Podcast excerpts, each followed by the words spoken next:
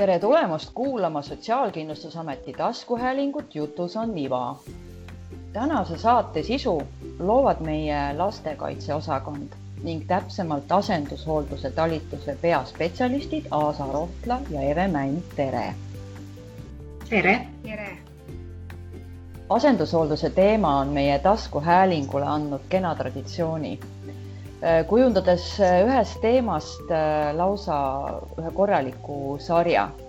kes tänast saadet ja meie taskuhäälingut üldse juhtub kuulama esimest korda, siis teadke, et asendushoolduse teemal on meil kokku minu teada vähemalt seitse saadet ning ilmselt ka need ei jää viimaseks. täna on meil plaan keskenduda oma vestluses perepõhisele asendushooldusele ehk kasu, kasuvanemlusele ja kuna teema iseenesest on nii mitmekülgne, siis loome põhifookuse hoolduspere teemale. juba ennist mainitud saatekülalised Aasa Rohtla ja Eve Mänd on meie saatesse kutsutud just selleks, et avada spetsialisti vaadet. Aasa ja Eve, kuidas kõnetab teid teema usaldus? ma pean siin silmas teie igapäevast tööd kontakti loomisel hooldusperedega no ma võin alustada, et äh, usaldus on äh, nii või teisiti igas eluvaldkonnas minu meelest ääretult nagu tähtis. et äh, ükskõik, milline suhtlemine saab alguse, siis ikkagi see usaldus on oluline, see, kuidas pered meie juurde tulevad, see on väga oluline luua neid, neid esimesi kontakte. mina püüan olla võimalikult selline spetsialist, keda saab usaldada ja, ja eeldan siis ka seda, et, et pered mind tõesti usaldavad. Aasa, mis, mida näitab sinu praktika? Eve poolt öeldule on väga raske vastu vaielda, et samamoodi võtan iga inimest, iga peret, kes minu juurde tuleb, eelarvamuste vabalt ja, ja loodan, et Eh, tema on sama avatud nagu mina, sest eh, vaid siis, kui mina tean temast kõike, saan ma teda aidata, kui ta edaspidi vajab tuge või abi. tean, mis võivad tema raskuskohad olla, et eh, usaldus on äärmiselt oluline. no siit on nüüd väga hea edasi minna ähm, just äh, sellega, et ähm, miks te mõlemad olete valinud äh, oma tööalaseks kutsumiseks asendushoolduse valdkonna, et et äh, Eve, äkki sina, sina, sina räägid seda oma lugu? ja no minu taustaks võib-olla nii palju, et äh, enne kui ma Sotsiaalkindlustusametisse jõudsin, siis äh, ma töötasin väga pikka aega Mustamäe linnaosa valitsuses lastekaitsespetsialistina. ja eks ma olen ju mõelnud ikka, et, et äkki peaksin ma valima ka vahelduseks midagi muud mitte jääma ainult lastekaitsetööd tegema, aga ma olen alati jõudnud nagu selleni, et et selles ametis ei ole ma veel nagu ammendunud, et, et seal on kindlasti veel nüansse, mida mul on avastada ja võib-olla ka enda poolt äh, nagu anda äh,. ma töötasin äh, seal eestkoste peredega ja, ja seetõttu võib-olla on äh, nagu asendushoolduse teema mulle juba, juba sealt ka tegelikult äh, hingelähedane olnud. Äh, kui mul õnnestus Sotsiaalkindlustusametisse tulla, siis ma kindlasti olingi nagu pigem hästi avatud, et, et, et aru saada, mis tähendab siis lapsendamise teema, millesse ma tegelikult siis ju tegelikult rohkem süvenesin ja, ja, ja mida ma siis tegema hakkasin et, et see oli nagu selles mõttes mulle väga loogiline, aga väga huvitav väljakutse. Aasa, kuidas sina jõudsid sellisesse teemavaldkonda? taaskord pean ütlema, et väga paljus on minu rada olnud Evega ühtemoodi. ka minule on eelnenud tööle Sotsiaalkindlustusametis asendushoolduse talituses pikk Äh, tööpõli lastekaitsetöötajana kohalikus omavalitsuses ühes teises Tallinna linnaosas, Haabersti linnaosas. ja viimastel aastatel lastekaitsetöötajana tundsin ma, et äh, ma soovin last aidata, kuid äh, see sihtpunkt läheb nagu töös kuskile eemale, et hästi palju oli vanematevahelisi kohtuvaidlusi, kus aastaid see, see, see vaidlus ketras ja ketras, laps oli küll loomulikult seal olemas, aga kuskil taamal. Ma ei tundnud, et ma saan konkreetselt üht last aidata. selles töös äh, hooldusperede hindajana ja ettevalmistajana ma saan aru, et on üks laps, kellele ma saan pakkuda pere. et see on hästi konkreetne ja selge võimalus üht last aidata. kes äh, on meie taskuhäälinguid kuulanud, siis äh, vot see küsimus, mida ma küsin sisuliselt ju kõigilt meie, meie inimestelt, et miks nad seda tööd teevad. et näidata just seda osa, et, äh, et see val-, ühes valdkonnas kulgemine on tegelikult nendel inimestel olnud suhteliselt äh, selline pikk ja, ja lõpuks inimesed on leidnud just selle koha või selle teema, kus nad tunnevad, et vot nüüd ma saan päriselt siis teha seda Mm, oma ka nende teiste kogemuste põhjalt, eks äh, seda, mis, äh, noh, millega ma siis kas suudan veel rohkem äh, panustada või anda. aga mm, et meie kuulaja saaks nagu täpselt aimu, millega te täpselt tegelete või milles teie töö seisneb, siis alustaks kohe niimoodi teie sellisest tavapärasest hommikust täna me ei saa otse nüüd tööle tulla kontorisse, aga seda tööd, mida teie teete, kas saab teha ka distantsilt? no praegune aeg juba aasta peaaegu, et äh, on ju näidanud seda, et, et meie tööd saab tegelikult väga hästi teha distantsilt, et, äh, et see on, äh, see on meile olnud väga suureks õppimise ja avastumise kohaks samamoodi. Ja, ja tegelikult pered samamoodi tulevad väga hästi sellega tegelikult kaasa. Et see distantsilt töötamine siis tähendab ju seda, et, et me võime ka veebikohtumisi teha peredega, et ma leian, et see on isegi mõnikord parem võimalus, kui, kui leida seda, seda ruumi ja kontakti siis otse. et, et peredel on endal võib-olla mugavam seal kodust seda intervjuud minuga teha ja, ja, ja minul on võib-olla rohkem võimalusi siin kodust samamoodi leida see, see aeg ja, ja hetk nendega suhtlemiseks, et see ei ole üldsegi äh, olnud tegelikult äh, kuidagi halvem. no me kõik loodame, et see aeg on pigem ajutine, et äh, kui me nüüd tuleme tagasi sellisesse meie, ütleme sellesse äh, tolleaegsesse normaalsusesse, tulete hommikul tööle ja alustate millega? päevad on väga erinevad. kõigepealt vaatad läbi oma meilid mõnikord on seal mõne kohaliku omavalitsuse lastekaitsetöötaja soov leida enda sünnipärast ilma jäänud lapsele mõni pere, siis, eh, siis omavahel teeme väikse arutelu või, või pikema arutelu. meid on Eestis päris mitu, kes me selle teemaga tegeleme ja, ja siis on meil võimalus omavahel konsulteerida.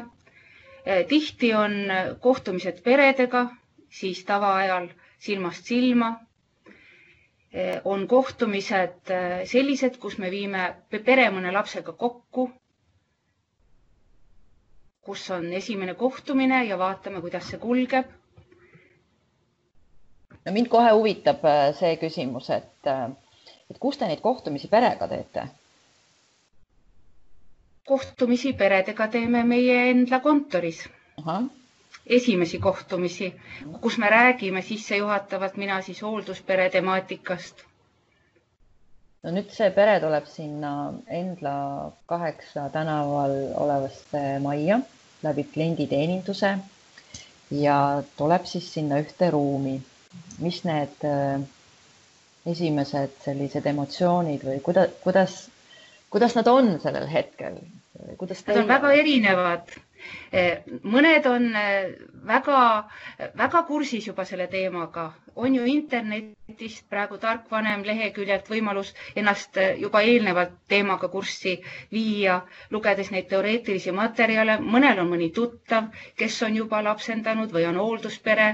Nemad teavad rohkem aga mõni on lihtsalt tunnetanud endas, et ta on näinud kuskil mingit infot, et asenduskodudes vananimega, siis lastekodudes on väga palju lapsi ja, ja nendel oleks võimalik ja vajalik pere pakkuda ja, ja lihtsalt soovib infot. temas on soov sellest teemast rohkem teada. kui pikad need vestlused tavaliselt on? Need vestlused on tavaliselt päris pikad. Sõltub muidugi perest, sõltub, kas on üksik inimene või on paar, kellel siis mõlemal on küsimused, aga keskeltläbi niimoodi poolteist paar tundi. hästi erinevad, hästi erinevad teemad on, igal perel on omad küsimused, omad murekohad, mida nad jagavad Eh, oma elust lähtuvad eh, küsimused, et eh, on ikka mingid kartused, et äkki nad ei sobi, et äkki ei sobi, kui ta on üksik inimene, äkki ei sobi, kui ta on liiga küpses vanuses, äkki ei sobi, sest ta on liiga noor. äkki ei sobi, et tal ei ole suurt elamispinda. et need teemad me kõik siis arutame lahti ja jõuame lõpuks järeldusele, et kui on soov pakkuda peret, siis, siis see on põhiline.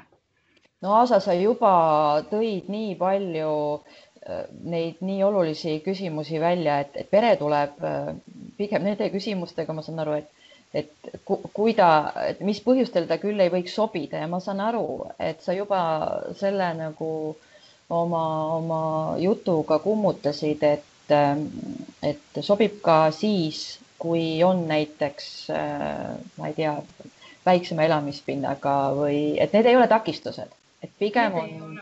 takistused mm. -hmm. selge on see, et perre tulev laps äh, peaks saama privaatsust, aga lood on väga erinevad. kui äh, ollakse valmis võtma oma perre näiteks imik, siis on selge, et esimesed hetked ta on niikuinii oma vanema läheduses ja, ja kui perel on valmisolek tulevas, tulevikus kolida suuremale elamispinnale, on ju kõik okei. Okay.. ja, ja meil on näiteks ka selline pere, kus on kolme, kolmetoaline korter, peres on tütar ja see täisealine tüt- või, või neljateistaastane tütar eh, on valmis, et ta perre tuleva tütarlapsega hakkab tuba jagama. Ja see ei ole ka mingisugune murekoht kõik äh, on, on valmis selleks plaaniks, et pere saab hoolduspereks.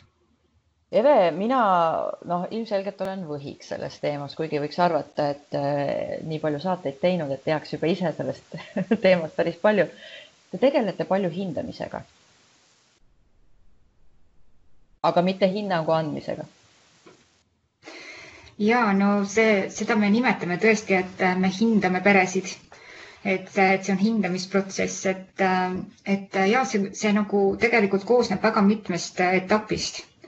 et, et, et alustamegi tõesti tegelikult sellest esmavestlusest, millest Aasa juba tegelikult rääkis.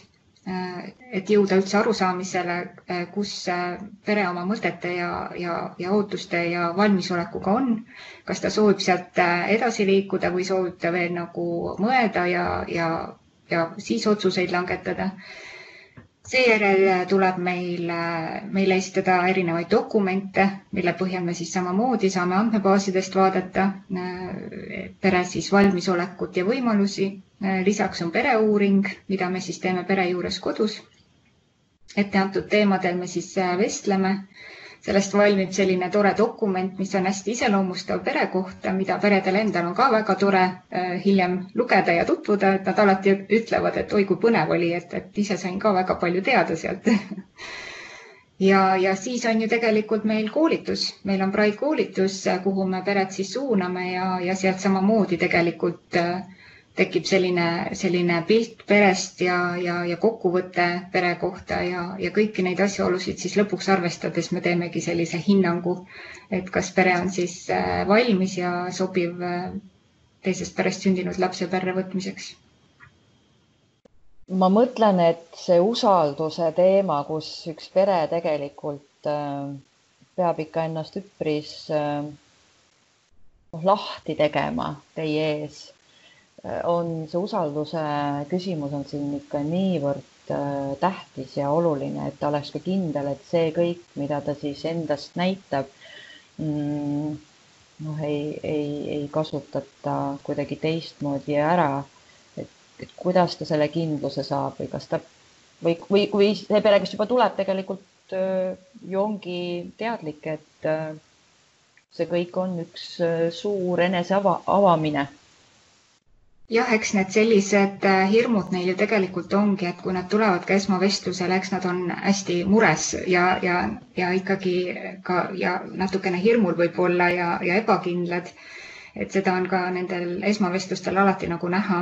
aga kui me sellest protsessist hästi avatult ise räägime, et äh, ja, ja, ja selgitame, miks seda kõike on nagu vaja, seda, seda tõesti sellist avatust ja ja usaldust äh, omavahel, siis siis, äh, siis nad ise ka ütlevad, et tegelikult nad mõistavad seda, et see peabki nii olema, et, et kuidas siis teistmoodi saaks äh, üldsegi äh, nad võttagi kedagi enda perre, et, et, et, et nendest peab saama ülevaate ja samamoodi siis meie saame anda ju sellest protsessist ja ka nendest lastest siis hästi ausa nagu ülevaate, et, et see kõik ilusti nagu õnnestuks et see usaldus loomulikult on hästi oluline ja me tõesti räägime väga sellistest isiklikest äh, teemadest. et äh, aga pered on sellest nagu teadlikud ja siis äh, ongi see nende otsus, kas nad on selleks kõigeks valmis. kas või kui palju neid peresid, kes üle teie siis ukselava läve astuvad sellel esmakohtumisel nii-öelda jõuavad sellel teel ka selle, sellele lõpusirgele, et, ähm, et nad saavad, noh, leiavad äh, nii-öelda laps ja see pere leiab teineteist. kui suur see protsent on? umbes ma ei tea, kas me oskame protsenti välja tuua, Aasa, mis sa arvad väga raske. ma, ma kõigepealt ütleks, et need, kes meil vestlusel käivad, mitte kõik ei jää seda rada käima ka. et äh, päris mitmed ikkagi, ma ei tea, ma julgen öelda, et pooled või veidi vähem äh, saavad aru, et äh, see pole päris ikkagi nende rada.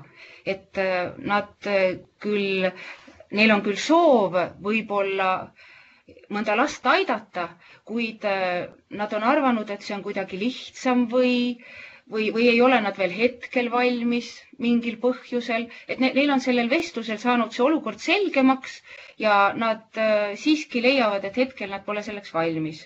aga mõni on tulnud hiljem tagasi. aga nendest, kes siis nüüd alustavad seda rada, noh, lapseni ma, ma siiski julgen öelda, kes lõu, jõuavad ka lõpuni, sest meie arvates on täiesti okei okay,, kui eh, ka mingis teises protsessi järgus inimene tunneb, et ta ei soovi, ta ei ole valmis hetkel selleks eh, teisest sünnipärast eh, ilma jäänud lapsele pere pakkuma, siis nendest, kes ikka lõpuni jõuavad, aja, mingi aja jooksul, ma arvan, et kõik jõuavad lapseni võib-olla, ma ei tea, Eve, on see liiga julge avaldus? ma arvan küll, et natuke julge, eks meil ongi erinevad nüansid, et mina räägin ju ikkagi rohkem nagu lapsendajaperede eest ja, ja Aasal on hoolduspered, et siin, siin natukene on ka erinevust. just. et, et hoolduspered võib-olla sagedamini ikkagi jõuavad äkki selle lapseni kui, kui lapsendajapered et esiteks meil on need arvudki erinevad, lapsendajaperesid on meil palju rohkem kui hooldusperesid et siin. ja neid lapsi ja neid lapsi, kes saavad minna hooldusperre, on ikkagi kordades rohkem kui neid lapsi, kes, keda saab lapsendada, kelle vanematelt on hooldusõigus täielikult ära võetud, kelle vanemad on andnud notariaalse nõusoleku oma lapse lapsendamiseks või kelle vanemad on surnud, et neid on kordades vähem kui neid lapsi, keda saab paigutada hooldusperre no vot, väga hea, et te tõite praegu sellised erinevad mõisted siin välja ja äkki tulemegi siis just nimelt selle teema juurde praegu tagasi, et mis käsitleb, et millised on need siis tänased asendushoolduse vormid ehk siis äh, looge täna nüüd sellele kuulajale see, see raam. Äh, et kus siis sujuvalt võiks jõuda sellise vanemluse juurde, et teil käisid siin mingid mõisted juba läbi, et rääkige sellest perepõhisest ja asutusepõhisusest ja, ja siis sealt edasi. just nimelt nii-öelda see lapsendamise, eestkoste ja lapse kasvatamine hooldusperes, et need ilmselt need mõisted on äh, veidi segased või arusaamatud. just, et äh, lapsendamisest äh, oli siis veidi juba juttu, et see on siis põhimõtteliselt selline olukord, kus tekib äh, täpselt samasugune, samasugune suhe nagu bioloogilise lapse ja tema vanemate vahel, et olukord on siis, sellele peab eelnema, et vanemad on kas surnud, lapsevanematelt on täielikult ära võetud isikuhooldusõigus või lapsevanemad on andnud lapsendamiseks nõusoleku. see on pöördumatu sündmus mm. -hmm. Siis teine võimalus on eestkoste. kui lapse kummalgi vanemal ei ole esindusõigust, siis määratakse lapsele eestkostja. enamasti on siis eestkostjad lapse lähisugulased, vanaema, vanaisa, tädi keegi, kes on ta lähe, lähedusvõrgustikust. aga ma tean ka lugu, kus lapse treener sai tema eestkostjaks. Ja, ja eestkostja saab siis täpselt samasuguse seadusliku esinduse õiguse nagu lapsevanem ja pärast seda on siis äh, variandid asendushooldusteenuse jaoks, et äh, asendushooldusteenust osutab kohalik omavalitsus ja seal on siis võimalused kolmel moel lapse eest hoolitseda. kas siis hooldusperes, millest me täna valdavalt räägime, või siis perekodus või asenduskodus, mis siis on äh, võib-olla vana mõistega inimestele rohkem tuntud kui lastekodu. et nende kahe vormi siis perekodu ja asenduskodu vahe on selles, et kui perekodus hoolitseb laste eest perevanem kes on pikemalt äh, ajaliselt korraga lastega koos ja siis asendub tädiga väikseks perioodiks, äh, siis asenduskodus on kasvatajad. Ja kui võib-olla kellelgi on vanast ajast meeles, et lastekodud on sellised suured asutused, kus on pikad koridorid ja kahel pool on toad ja on palju lapsi koos, siis ka praegused perekodud ja asenduskodud on äh, oluliselt äh, perepõhisemad selles mõttes, et need on tavalised majad, mis ei eristu linnas või külas ja, ja neil, neil on tavaline, tavaline aadress Tamme tänav üks või Kase tänav kaks, nii et äh, ei ole sellist klassikalist vana kombinaatlasteaeda enam võimalik kuskil näha aga tõde on see, et seal ei ole ühte kindlat inimest, kes lapse eest hoolitseb, mis on võimalus siis pakkuda lapsele hooldusperes. et on võimalus kellegi ühe lähedase inimesega luua see kiindumussuhe. Jah, kuna me täna tõesti paneme oma fookuse just sellele hoolduspereks saamise, saamise loole, siis mis, mis on see teie soovitus, et ähm, mille, milleks see perekond kes tuleb äh, teie juurde esimest korda, võiks olla ette valmistatud või kas ta üldse peab olema ette valmistanud ennast? No esmalt tal peab olema ikkagi, nii palju ta peab olema ette valmistatud, et ta peab enda jaoks selle, selle ikkagi selgeks mõtlema, kas ta on valmis üldse äh, kasvatama teisest perest sündinud last, et see on nagu minu arvates kõige, kõige olulisem samm aga kuidas seda enda jaoks selgeks mõelda? Vot ma olen nüüd mitmeid saateid äh, sellel valdkond, selles äh, teemal teinud ja, ja vot see on üks küsimus. Mul ikkagi nagu pähe jäänud, et aga kuidas ma ennast ette valmistan, mida ma endalt peaksin küsima? just nimelt seda peakski endalt küsima, et äh, kas see kuidagi segab mind, näiteks, et ta, tal on olemas veel kusagil vanemad, noh, ikkagi bioloogiline pere et äh, kas ma olen äh, valmis selleks, et äh, ta kunagi küsib minu käest sellesama pere kohta, kust ta siis tegelikult pärit on. hoolduspere vanemad peavad olema kindlasti ka selleks valmis, et, et laps saabki kohtuda oma bioloogiliste vanematega, et seda sidet hoida et see on nagu hooldusperede vanema, perede puhul kõige, kõige tähtsam küsimus tõenäoliselt. kas see tähendab seda, et et ähm, kui ma võtan, tahan saada hoolduspereks, ma, noh, mul tehaksegi see positiivne otsus, siis tegelikult ma mitte ei saa ainult selle lapse, vaid ka need lapsevanemad või see laps, selle lapsevanema. jah, eks seal on ka need lood väga-väga äh, erinevad, et äh, loomulikult äh, ma peangi sellega arvestama, jah, et see kontakt lapse ja, ja tema, tema bioloogiliste sugulaste vahel, vanemate vahel siis peaks nagu jääma. et selleks pean olema valmis, et regulaarseid kohtumisi lapsel võimaldada Aasa, on sul midagi lisada minu küsimusele? Mm, ja kõik see, mis Eve räägib, on, on ju puhas tõde. Aga seal vahel on tegelikult kohaliku omavalitsuse lastekaitsetöötaja, kes aitab neid kohtumisi korraldada ja, ja mõnes mõttes, kui see suhtlus läheb veidi keeruliseks, siis puhverdab neid olukordi. noh, bioloogilised pered ju ka on erinevad. Võib olla väga väga hea kontakt tekkida ka hooldusperel bioloogilise perega, kus eh, vanemad on tänulikud selle eest, et eh, nende laps saab kasvada turvalises kasvukeskkonnas ja mõistavad ise, et nad ei suuda seda pakkuda.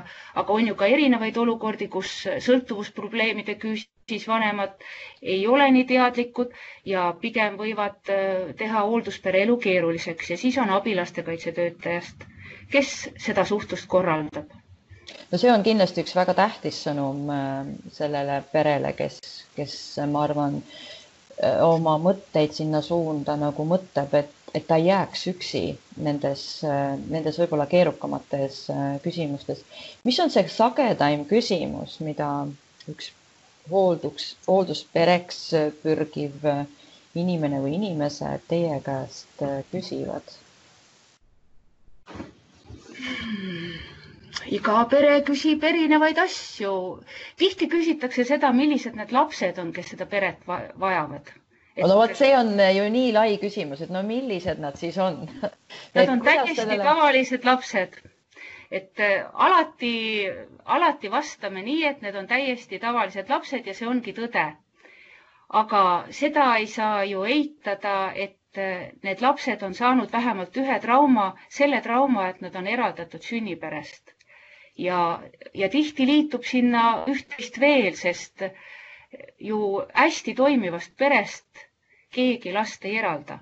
see on ju tõde, et seal taga ikkagi on, on vanemate murekohad, mis moel või teisel ikkagi eh, mõjutavad ju seal peres kasvavat last, kas siis on sõltuvusmured, kas on vaimse tervise mured.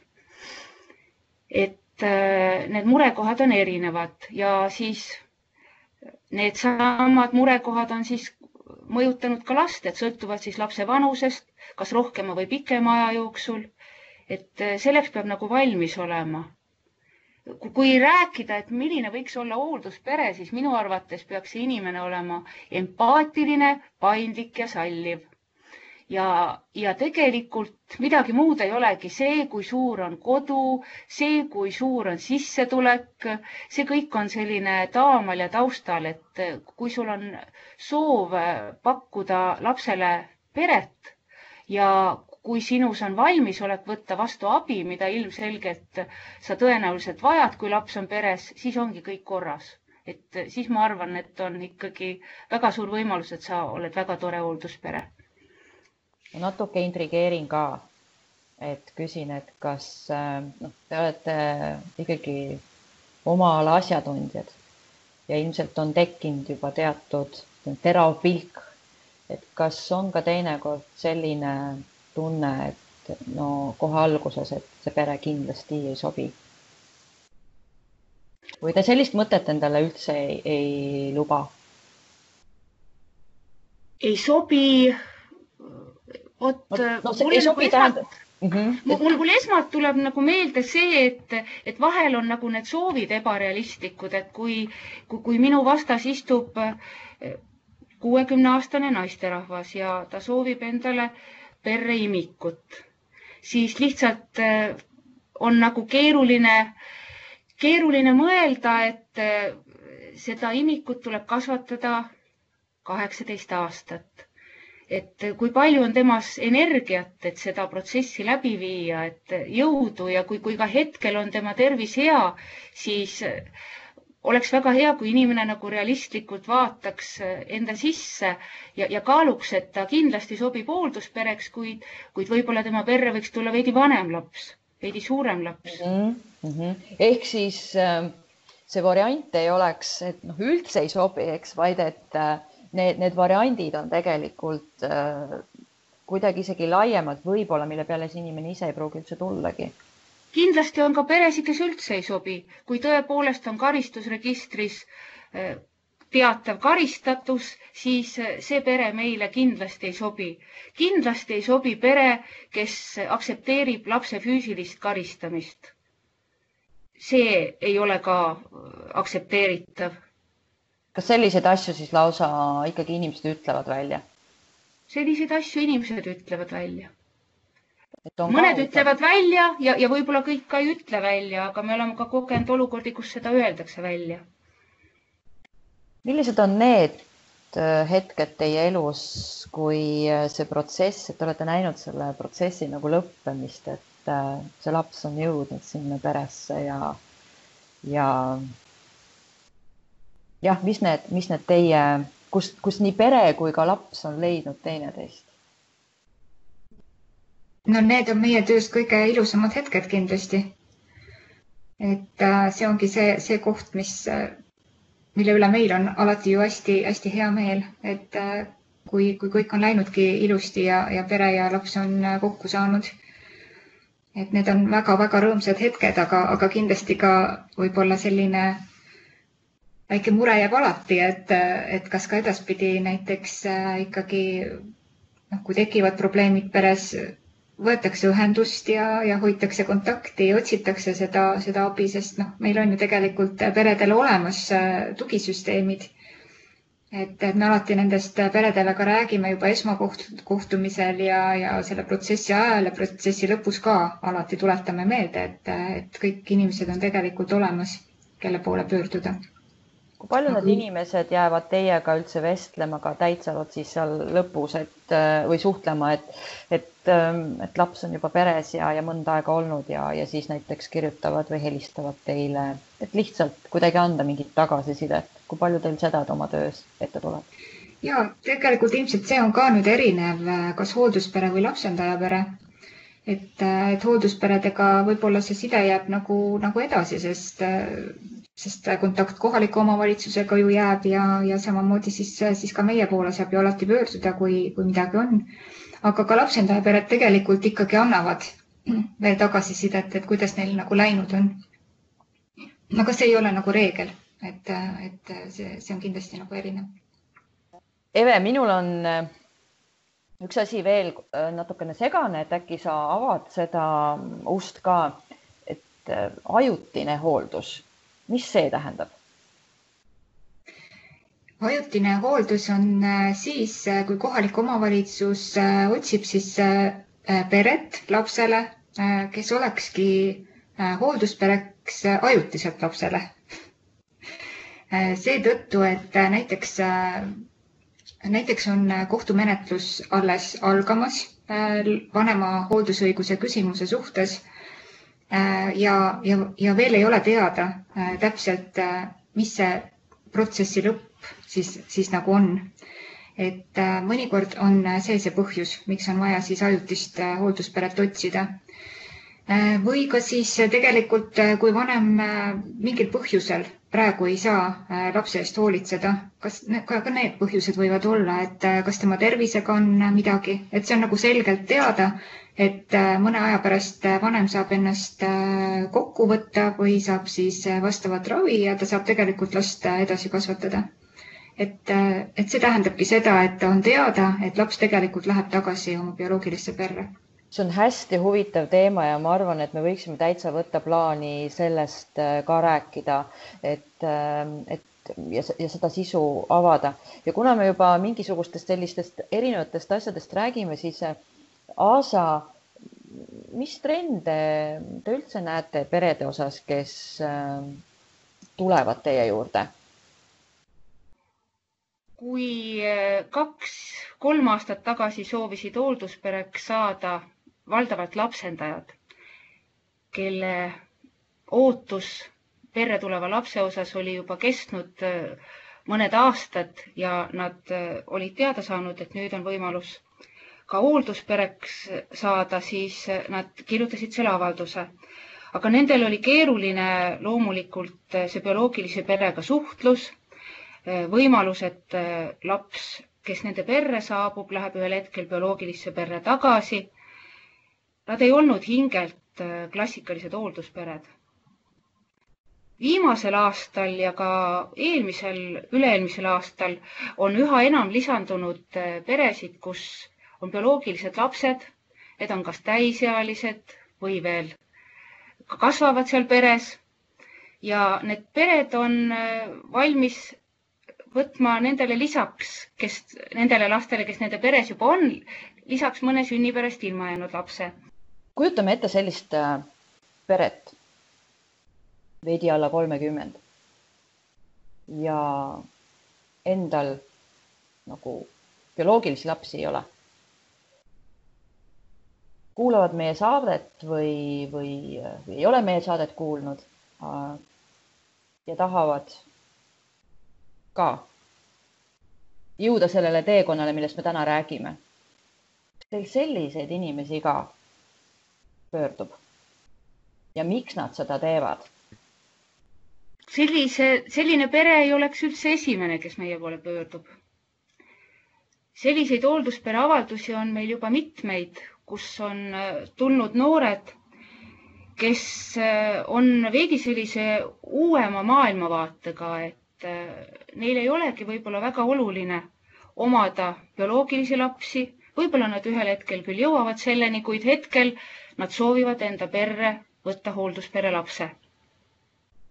Nad leiavad, et maailmas on väga palju lapsi, kes vajavad kodu ja nad on valmis nendele lastele pere, pereks olema.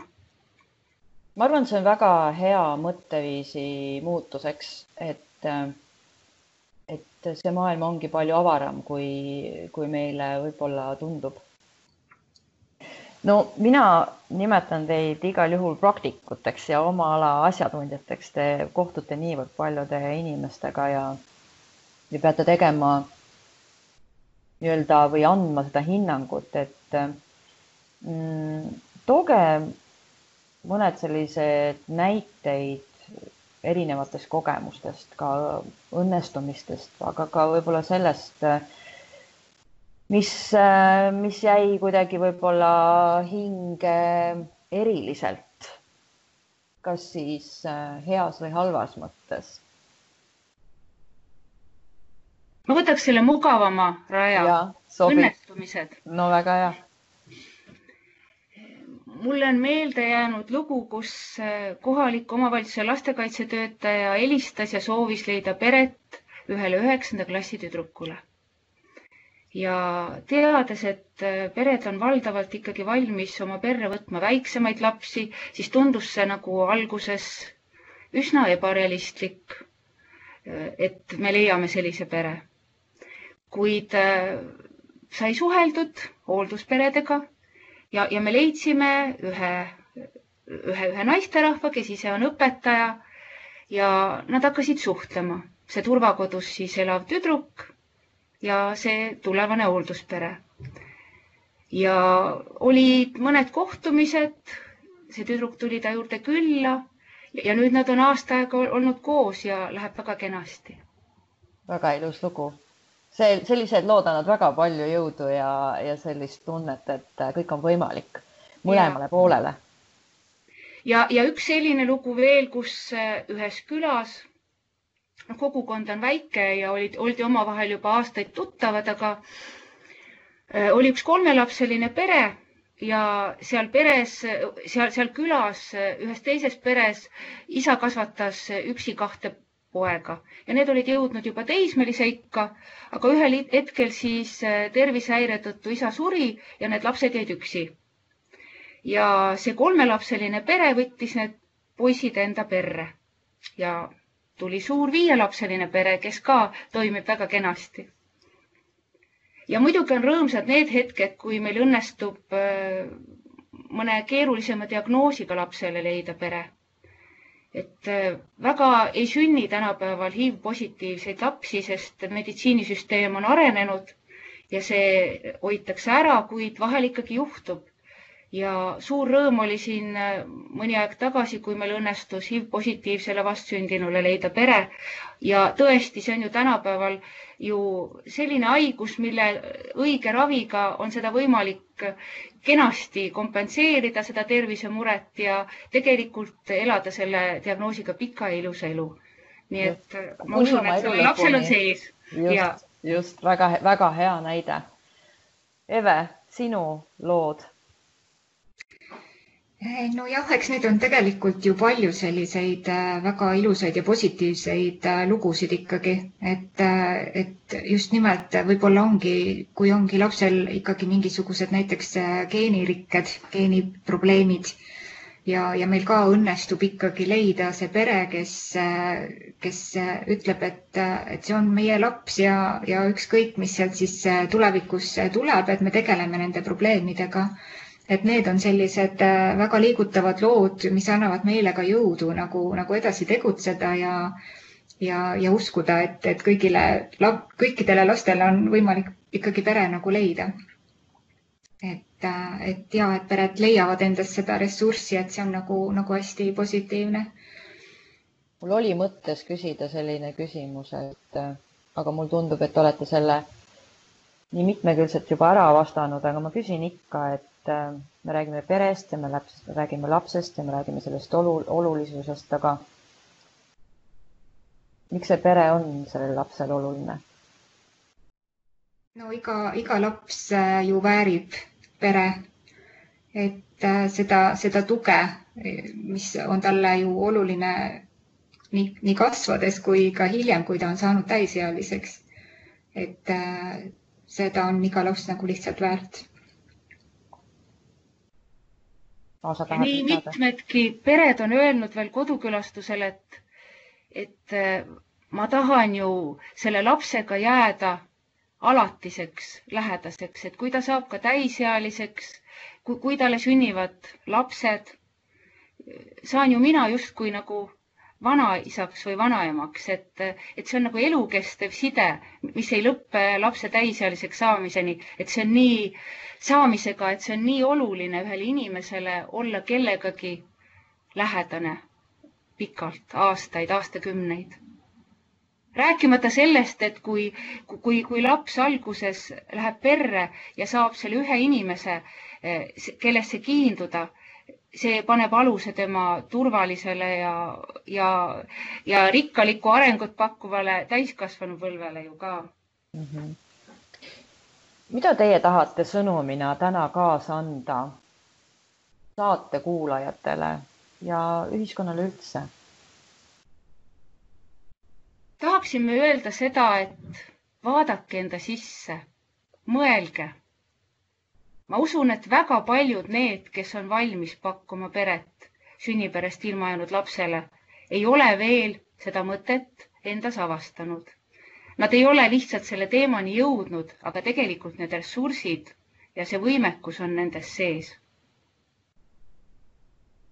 ma lisan, et ma usun, et tegelikult neid peresid on palju, kes võib-olla täna veel kahtlevad et äh, mul on ka üks, äh, üks pere, kes on tegelikult kunagi lapsendanud ja siis äh, otsustas, et äh, nüüd nad tahavad olla hoolduspere, siis nad ise ütlesid, et, et pered võiksid olla julgemad ka seda sammu nagu astuma, et, et, et tegelikult ma usun, et neid, kes kahtlevad on üsna palju, aga, aga võikski olla julgust siis tulla kasvõi meiega rääkima nendel teemadel ja arutama, et, et kas, kas see valmisolek on neis olemas. ma usun, et väga paljudes on tegelikult see valmisolek olemas, aga, aga julgust seda sammu teha on võib-olla vähesti.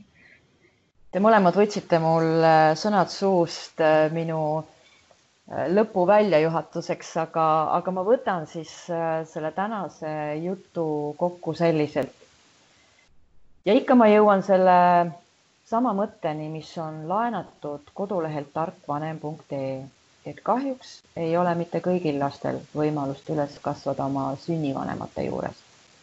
lapse parim kasvu- ja arengukeskkond on aga perekond. ja õnneks on meil inimesi ning peresid, kes on avanud oma südame ja kodu teistest vanematest sündinud lapsele või lastele. ja ma olen kindel et on veel palju neid inimesi, kelle südames on ruumi lapsele, kes ei saa kasvada oma sünnipäres.